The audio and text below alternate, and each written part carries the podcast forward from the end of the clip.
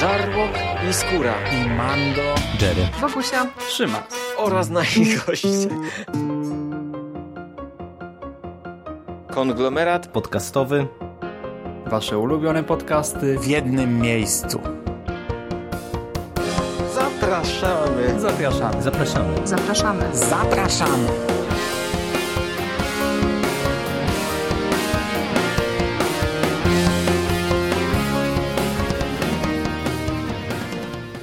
Witamy w konglomeracie podcastowym, czyli na platformie, która zbiera wszystkie Wasze ulubione podcasty w jednym miejscu. Ja nazywam się Michał Rakowicz, czyli Jerry. Jest dzisiaj ze mną Hubert Spandowski, czyli Mando. Witam Cię, Mando. Witam Ciebie bardzo serdecznie. No i spotykamy się przy okazji drugiego tomu e, serii Punisher Max. Tak jak żeśmy zapowiadali e, w ostatnim podcaście z tej serii, która nam się tworzy. No, nie chcieliśmy czekać i zwlekać z kolejnym nagraniem. Zabraliśmy się do lektury prawie że bezpośrednio po zakończeniu tomu pierwszego. No i dzisiaj chcielibyśmy opowiedzieć Wam o wrażeniach właśnie z tego drugiego albumu zbiorczego wydanego przez Egmont w połowie 2017 roku na który podobnie jak w przypadku tomu pierwszego składają się dwie sześciozeszytowe zamknięte historie. Jest to w tym tomie Mateczka Rosja oraz Góra jest dołem, a czarne jest białe. Myślę, że o twórcach sobie porozmawiamy już konkretnie przy okazji poszczególnych historii i nie będziemy już dzisiaj się zagłębiać w jakieś niuanse naszych oczekiwań i tak dalej, tak. To odsyłamy Was do pierwszego podcastu, tylko od razu myślę przechodzimy do mięsa, czyli historii numer jeden, Mateczka Rosja. Za scenariusz w tym tomie odpowiada, tak jak w, całej, w całym tym ranie, który tutaj sobie będziemy dyskutować, Gard Ennis.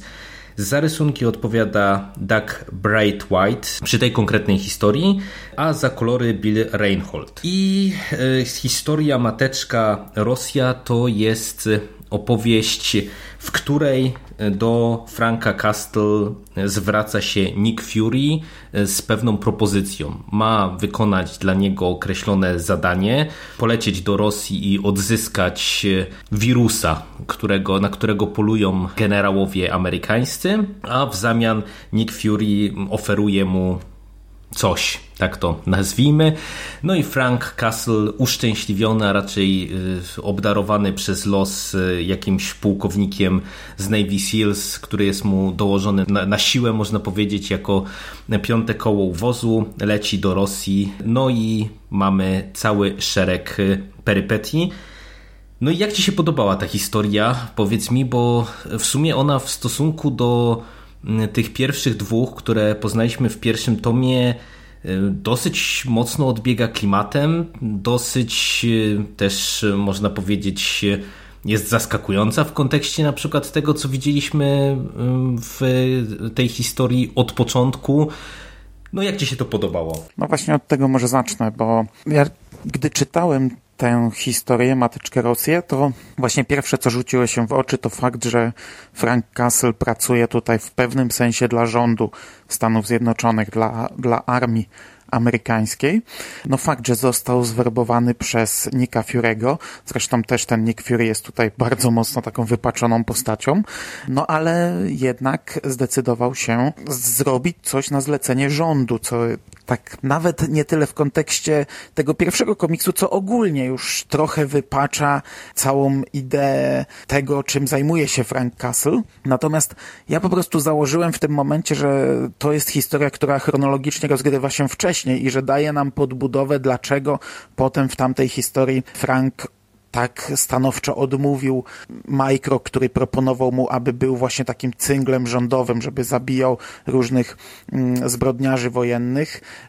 Tam pada między innymi nazwisko Osamy Bin Ladena. Mhm. Okazuje się, że nie, no bo kolejna historia nam tutaj układa chronologię i okazuje się, że tak naprawdę to jest tutaj zachowana liniowość czasowa i to wszystko, każda historia rozgrywa się po kolejnej, więc tutaj to mi się faktycznie gryzie, chociaż kurczę, no nie, w sumie nie. nie to się gryzie, nie da się tego wytłumaczyć jakoś, bo ja sobie na początku myślałem, że może dlatego, że Nick Fury jest jakimś jego przyjacielem, ale z drugiej strony Micro też e, był jakimś jego współpracownikiem.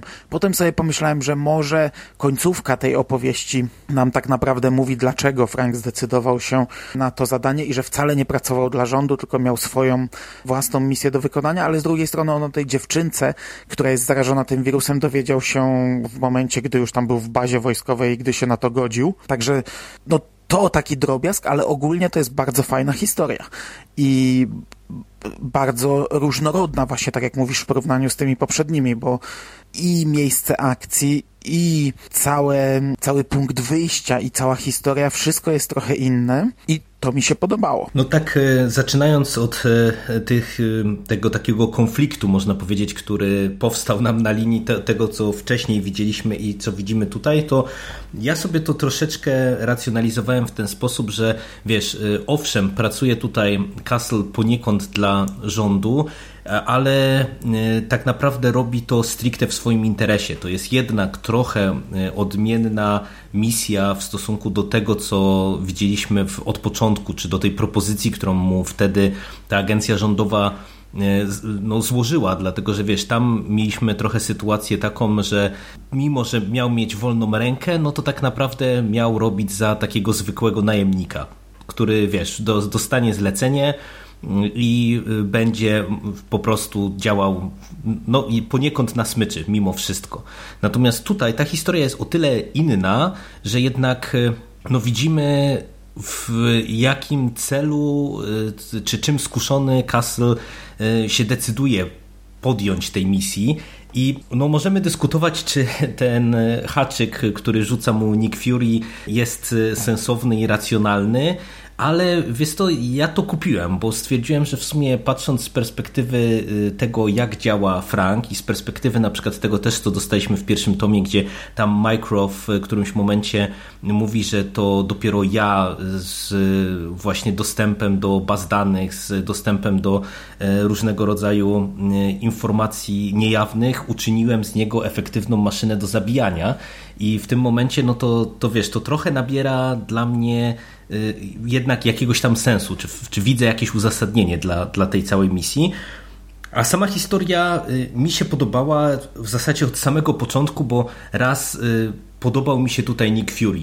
On jest faktycznie jakby bardzo mocno no, jakoś tam wypaczony, można powiedzieć, jeżeli sobie spojrzymy na Nicka Fury'ego standardowo w komiksach ale on mi pasował tutaj jako, wiesz, taki też y, zimny drań tak naprawdę. No, on tutaj niewiele się różni od Franka Castle w podejściu do tego, co robi i to, że to mm, ta jego działalność jest podyktowana jakimiś tam ideami, które temu przyświecają, no to jest jakby drugorzędne w stosunku do tego, jakimi on się metodami posługuje i, i na jaką postać on jest tutaj kreowany. No a sama historia y, mi się podobała i ona jakby dla mnie jest o tyle też interesująca, że tak jak e, wiesz, od początku było taką historią dobrą na wprowadzenie, to Mała Irlandia już tam wspominaliśmy o tym, że tam było sporo takiego czarnego humoru. A nie wiem jak e, ty odebrałeś e, właśnie Mateczkę Rosję, ale ta historia jest w gruncie rzeczy bardzo nieprzyjemna. Jak tutaj sobie spojrzymy na to, e, co się tutaj w trakcie wydarzeń w, w, w tym tomie dzieje, jakie decyzje są podejmowane na przykład po tej stronie rządowej i tak dalej, i tak dalej, no to jakby ogólna wymowa tej historii jest naprawdę taka no, mocno wybijająca czytelnika, czy mnie wybiła ze strefy komfortu, przyznam ci się szczerze i, i momentami mi się to czytało bardzo nieprzyjemnie i to nawet pomimo tego, że ponownie tutaj mamy takie elementy, jak wiesz, jak jest ten taki Mongol, jak z jakiegoś filmu akcji z, z lat 80. na przykład wyjęty i są takie sceny, które są zupełnie przegięte i przerysowane, ale mimo wszystko no to to jakby czułem ciężar całej tej opowieści. Nie wiem, czy, czy ty też tak miałeś, czy, czy ciebie to jakby emocjonalnie tak to nie zagrało dobrze? Znaczy ten tom w ogóle jest chyba pozbawiony humoru, tak mi się wydaje. Tutaj nie ma nawet tego przerysowanego czarnego humoru, mam takie wrażenie, w drugiej opowieści też i w tej pierwszej też go chyba w ogóle nie ma te decyzje rządu, które tutaj, te decyzje wojska, tych generałów są zaskakujące, są szokujące. One na mnie nie podziałały może nieprzyjemnie, ale na pewno mnie zaskoczyły. Ta, ta cała akcja z samolotem, no nie wiemy początkowo co to jest, a potem gdy dowiadujemy się, to jest opad szczęki. Ta akcja z tym całym malutkim Mongołem, też jest świetna i tak jak mówisz, jak niczym z kina lat 80., ale ogólnie ta opowieść jest trochę jak z kina lat 80., przy czym zrobiona tak na poważnie i trochę bardziej brutalnie. No bo kurczę, to jest trochę jak, nie wiem, jak drugi Rambo, jak mhm, tak, tak, tak. Zaginiony w akcji. E, jakiś facet zostaje wysłany na misję, obiecuje mu się cuda, a na miejscu okazuje się, że ma podgórkę i w tym momencie e, wojsko odwraca się od niego, próbuje go tam pogrzebać, za, za, zakopać ślady, zatrzeć wszystkie, umyć ręce od tego. No to jest w tym, w tym klimacie historia. I również ta brutalność, znaczy ten komiks jest brutalny, no każdy tu będzie brutalny, ale y, mamy tutaj na zasadzie strzelanki, ale nie jest to aż tak jak w tej pierwszej historii z pierwszego tomu, albo jak w kolejnej. Tutaj nie ma potoków krwi, nie ma stu ofiar i, i wiesz, ta, ta, ta, ta, ta, ta, ta, siekanki, sieczki jednej wielkiej, pomimo tego, że on tutaj sobie urządza oczywiście tam z Rosjan cele, cele wiesz, na strzelnicy, ale to wszystko ma taki klimat, jak oni siedzą w tej piwnicy, jest ten ciemny szyb, w windzie mm -hmm. oni tam próbują się do niego dostać, to tak trochę inaczej jest to rozłożone. Nie odczuwają przesytu tą, tą brutalnością w tej historii. Ale wiesz to, to, to mi się wydaje, że to może być też związane z tym, że nie wiem, czy, czy tak ci się mocno to rzuciło w oczy, ale tam na przykład jak właśnie mamy ten, e, to, całą tę sekwencję już w tym silosie, w tej piwnicy, to e, tam ta brutalność, ona bardzo często jest z boku, że mamy na przykład takie sekwencje, gdzie tam Frank rzuca do tej dziewczynki, że nie, wychodź, nie, wychodź, nie wychodź z pokoju albo zamknij oczy, nie? I, I widzimy tylko po prostu już ten efekt tej jatki, po prostu, która no na mnie robiła, robiło to wrażenie, albo mamy z kolei takie rzeczy, gdzie tam, nie wiem, są żołnierze i są pokazywani że na zasadzie, że ja tam nie wejdę, bo, bo już wiemy, co się stało z po tymi poprzednimi, więc pod tym kątem to faktycznie nie ma aż takiej bezpośredniej jatki, jaką no, zaraz będziemy doświadczać w kolejnej historii. Powiedz mi, jak Ci się rysunki podobały, bo tutaj zmienia nam się znowu rysownik, mamy trzecią opowieść i trzeciego rysownika, no i czy odczułeś jakąś wyraźniejszą zmianę w stosunku do tego, co mieliśmy w tomie pierwszym, jak Ci się ten konkretny rysownik e, podobał? Ogólnie bardzo na plus. Może nie padam na kolana tak jak e, wtedy, jak się zachwycałem nad tą pierwszą historią, ale na pewno dużo lepsze niż w drugiej historii i ogólnie rysunki są naprawdę bardzo fajne i jest bardzo fajna kolorystyka tego komiksu. To są takie zgniłe kolory, takie stonowane, y, dużo zieleni, ale też czasami na przykład, gdy mamy tam tych generałów, bodajże jest dużo niebieskiego i to jest właśnie w takiej jednej palecie barw bardzo często zachowane i to są takie właśnie stonowane, zgniłe kolory i to pasuje, to daje klimat temu komiksowi, a ogólnie postaci są bardzo fajnie narysowane, bardzo mi się podobają. No, ja wiele nie mam do dodania, bo mi się też to podobało. Cieszę się, że zwróciłem zwróciłeś uwagę na kolorystykę, bo ona faktycznie jest tutaj naprawdę trafiająca klimatem do całej opowieści. Mi to bardzo, bardzo dobrze grało. Okładki standardowo, jak ci się widziały? Bo osoba odpowiedzialna za okładki jest y, ta sama, co w całej tej serii i rozumiem, że o, do okładek nie masz jakichś większych uwag na plus czy na minus. Ale ci powiem, że one mnie nie rzucają na kolana. Ja nie rozumiem tego, ale te, okładki tomów ok, ale jak widzę te wydrukowane kartki, to one w większości tak sobie. Są, są często za ciemne, nie wiem czy to dlatego, że na takim papierze i też jak dla mnie trochę takie zbyt realistyczne momentami. Nie wiem, na, na, na okładce tomu nie masz aż takiego realistycznego zdjęcia. Tu jest okładka bodajże tam z 24 zeszytu, ale niektóre to, to patrzysz na nie i to wygląda jak zdjęcie, nie? Tak, to prawda. No akurat jeżeli chodzi o okładki, to w tym pierwszym albumie zbiorczym mi się zasadniczo bardziej podobały, e, ale mi się i tak ten klimat e, w sumie podoba, mimo że one cały czas są dosyć mocno odstające od tego, co mamy treściowo w tym komiksie. I zanim przejdziemy do kolejnej opowieści, to mm, ja bym chciał zwrócić uwagę na jedną rzecz, o której zapomniałem w pierwszym podcaście, a mianowicie e, o Born Garta Enisa, czyli o komiksie wydanym przez Egmont już ładne parę lat temu u nas. E, I to jest komiks, e, który jest takim troszeczkę wprowadzeniem do całej tej serii Punisher Max, komiksem, który pokazuje nam wydarzenia, które w jakiś tam sposób ukształtowały Franka Castle w czasie i rozgrywały się w czasie wojny w Wietnamie. I to jest o tyle jakby dobry moment, żeby o tym też przypomnieć, bo tutaj mamy pewne nawiązanie właśnie do takiej, powiedziałbym, wspólnej przeszłości Franka Castle i Nika Furego rozgrywającej się właśnie w Wietnamie, więc jeżeli ktoś czyta pani Shermaxa, a na przykład z komiksem Born się nie miał okazji zapoznać, to myślę, że możemy też z tego miejsca polecić. Nie wiem, czy ty, Mando, czytałeś e, tą cztery zeszytówkę? Bo to chyba ja cztery chyba nie czytałem, była. ci powiem, nie przypominam sobie.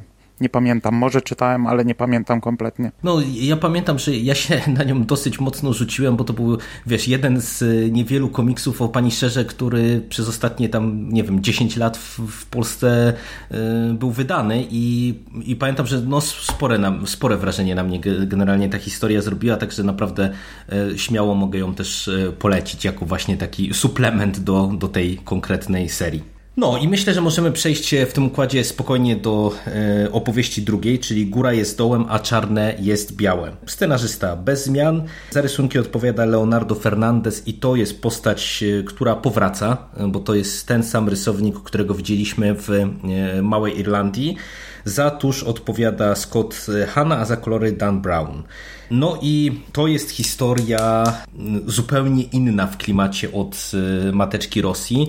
Tutaj powraca y, bardzo wiele postaci, które poznaliśmy w historii otwierającej, czyli w od początku.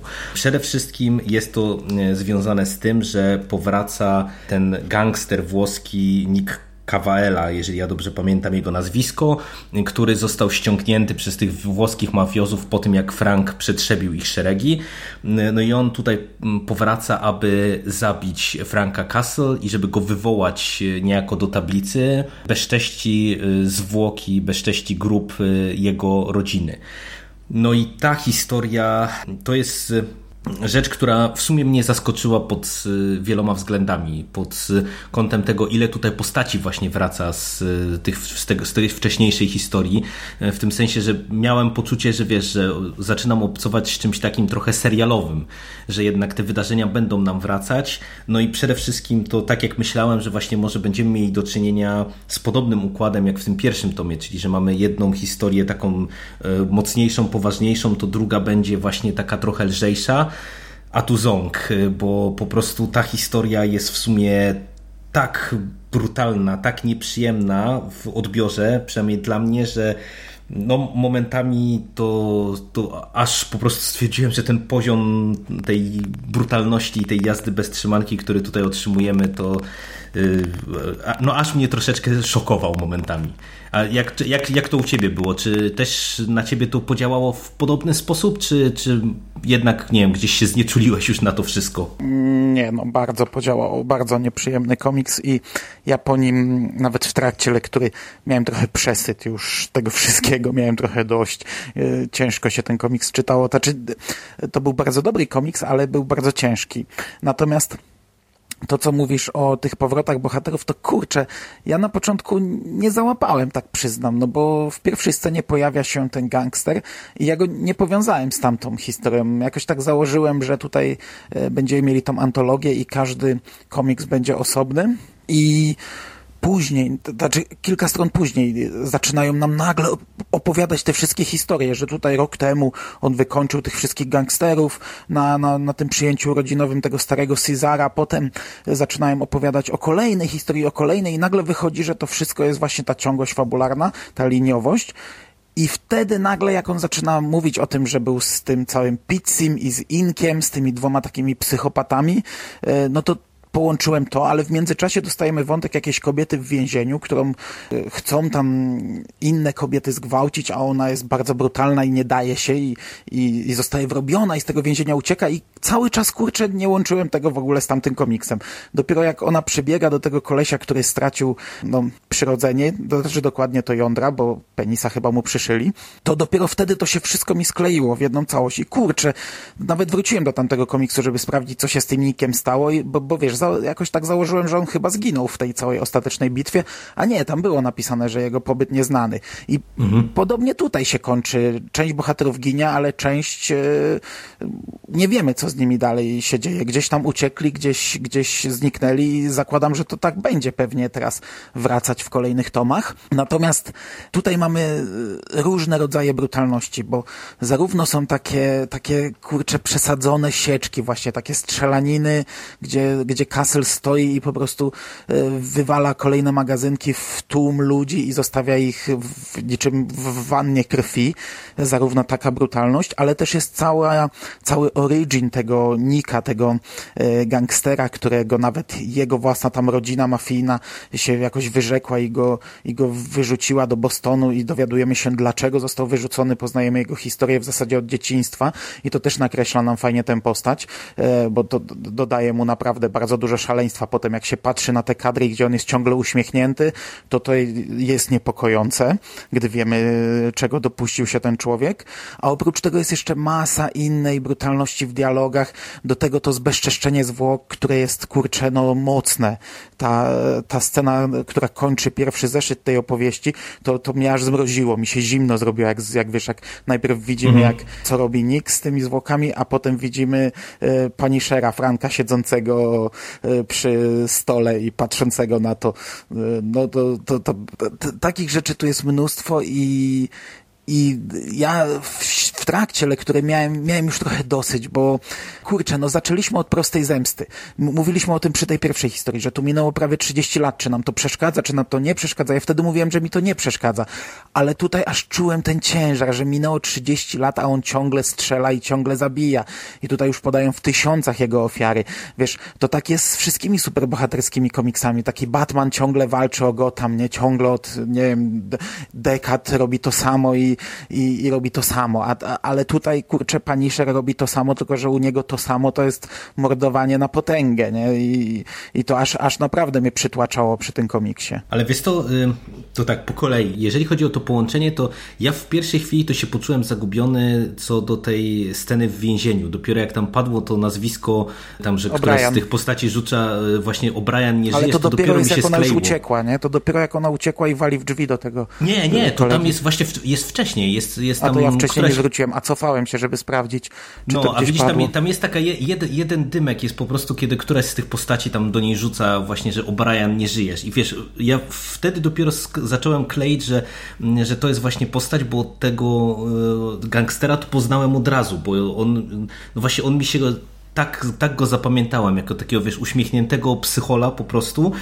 i ja od razu powiem Ci, że mi się to bardzo podobało, tym bardziej, że przecież tutaj nie tylko wracają te postaci z tej pierwszej historii, ale też wraca na przykład ten mm, Rawlins, czy jak on tam miał, ten agent taki, z którego poznaliśmy w Mateczce Rosji i, i podoba mi się, że Enis to tak klei, że, że wiesz, że tutaj mhm, nam się mhm. to wszystko przenika, bo to nadaje e, całości takiego dodatkowego, fajnego smaczku, nie? Że wiesz, że obcujemy z takim prawdziwym komiksowym serialem, a przy czym to jest tak fajnie zrobione, że jakby jak ktoś by nie wiem, wsiadł, można powiedzieć, i zaczął czytać e, od e, tej czwartej historii, to w sumie, wiesz, straci sporo kontekstu, nie? Szczególnie tam, jak e, są rozpisywane te relacje pomiędzy postaciami, ale też jakby jest to robione na tyle zmyślnie właśnie, że to nie ma takiego zagubienia.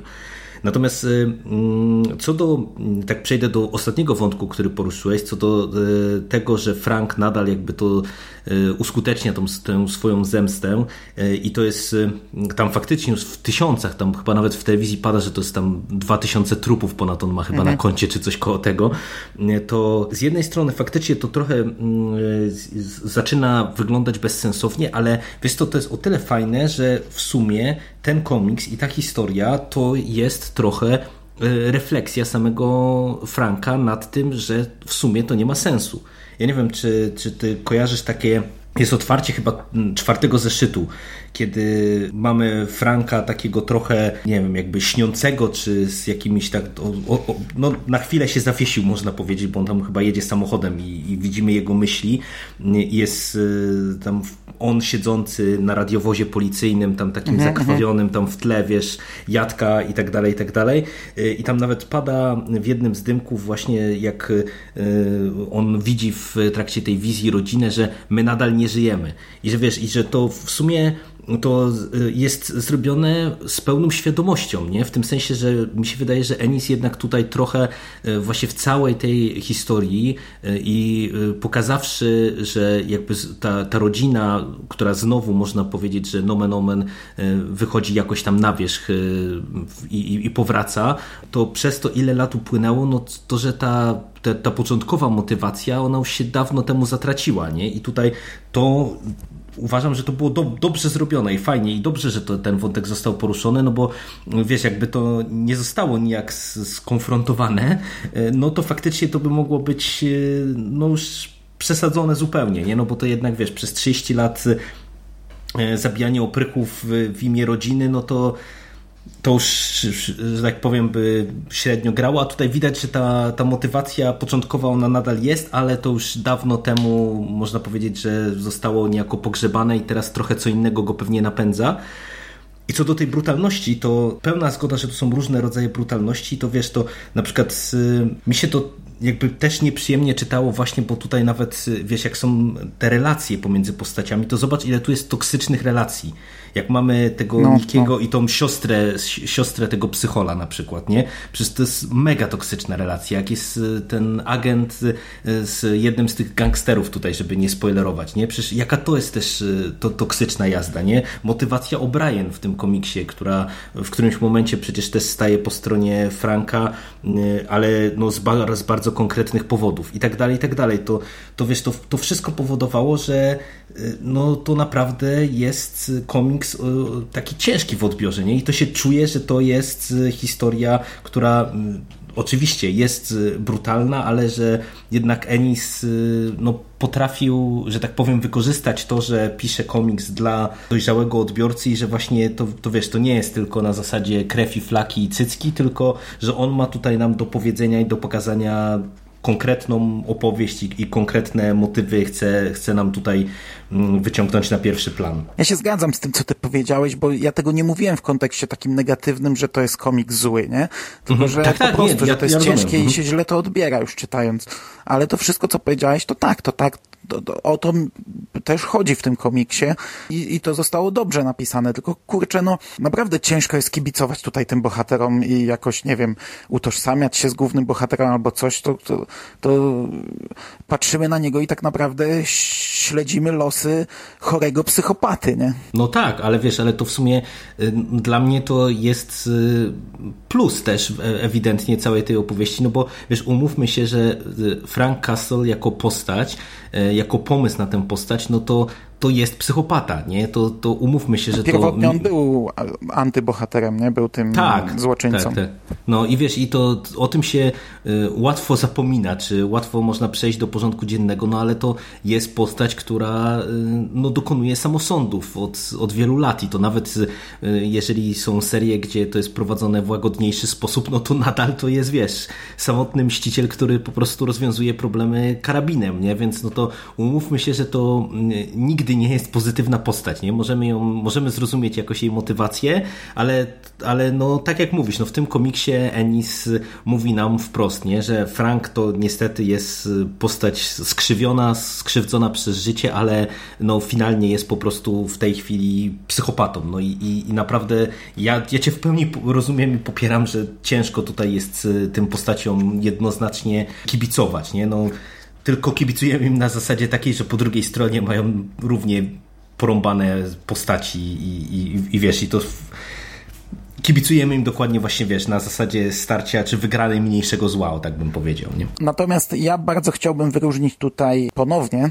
w tym tomie dwa razy warstwę graficzną, bo w poprzednim tomie Ja się tak średnio wypowiadałem o rysunkach e, Leonardo Fernandeza i też krytykowałem kolory, chociaż to było dość dziwne, bo tam był ten sam kolorysta i dwa zupełnie inne komiksy, zupełnie inne światy, zupełnie in, inny styl i, i inny klimat.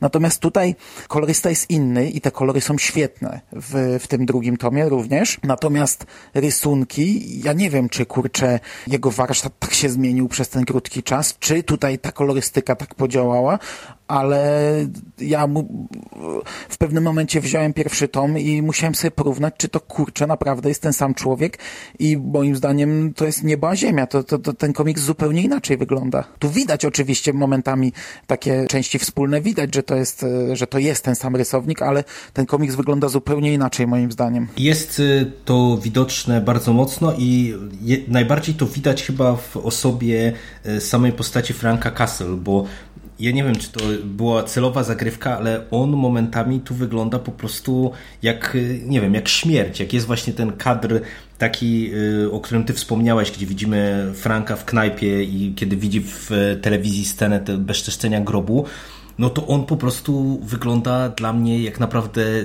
śmierć. Wiesz, takie czaszka naciągnięta, skóra na czaszce, te zapadnięte oczy i, i po prostu widać tutaj y, na każdym kadrze, że to jest y, no, gość z mega problemami. Pod tym kątem mi ta, to bardzo dobrze zagrało, ale też te inne postacie są fajnie rysowane i, i ja też doceniam to, co tutaj zostało od tej strony graficznej zrobione, tym bardziej, że wiesz, mamy znowu też trochę takich y, zabawy z jakimiś tam kolorami, z wykorzystaniem, wiesz, jakiejś różnej kolorystyki na poszczególnych kadrach, w różnych sekwencjach, jak tam mamy przecież te różne wydarzenia z przeszłości, no to też jest to troszeczkę inaczej nam prezentowane. Bardzo fajna rzecz. No to mm, powiedz mi, jak Ci się całościowo podobał ten drugi tom? Y, czy z równym zapałem będziesz siad siadał ze mną do trzeciego albumu? No, wydaje mi się, że tom jest lepszy.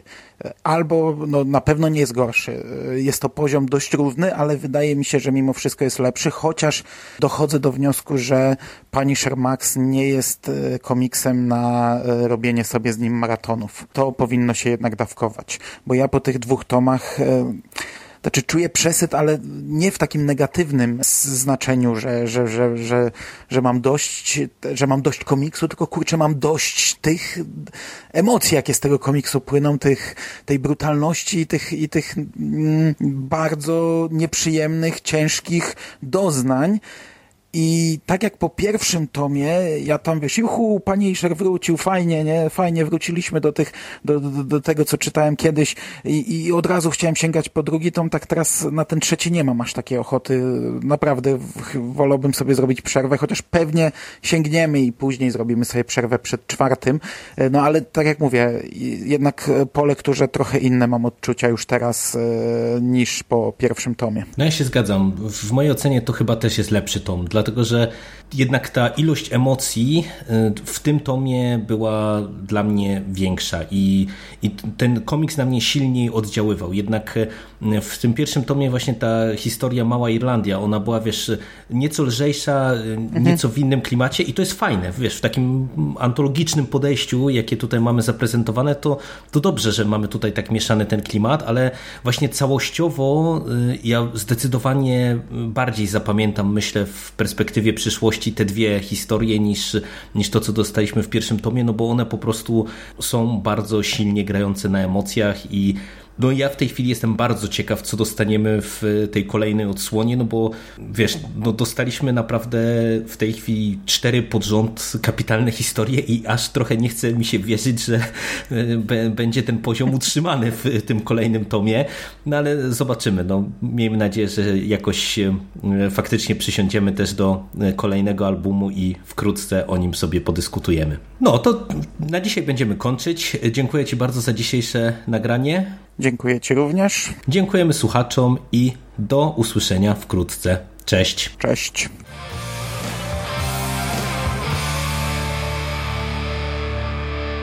You finished? That's it, man. Game over, man. It's game over. What the fuck are we gonna do now? What are we gonna do? It's over. Nothing is over. Nothing. You just don't turn it off.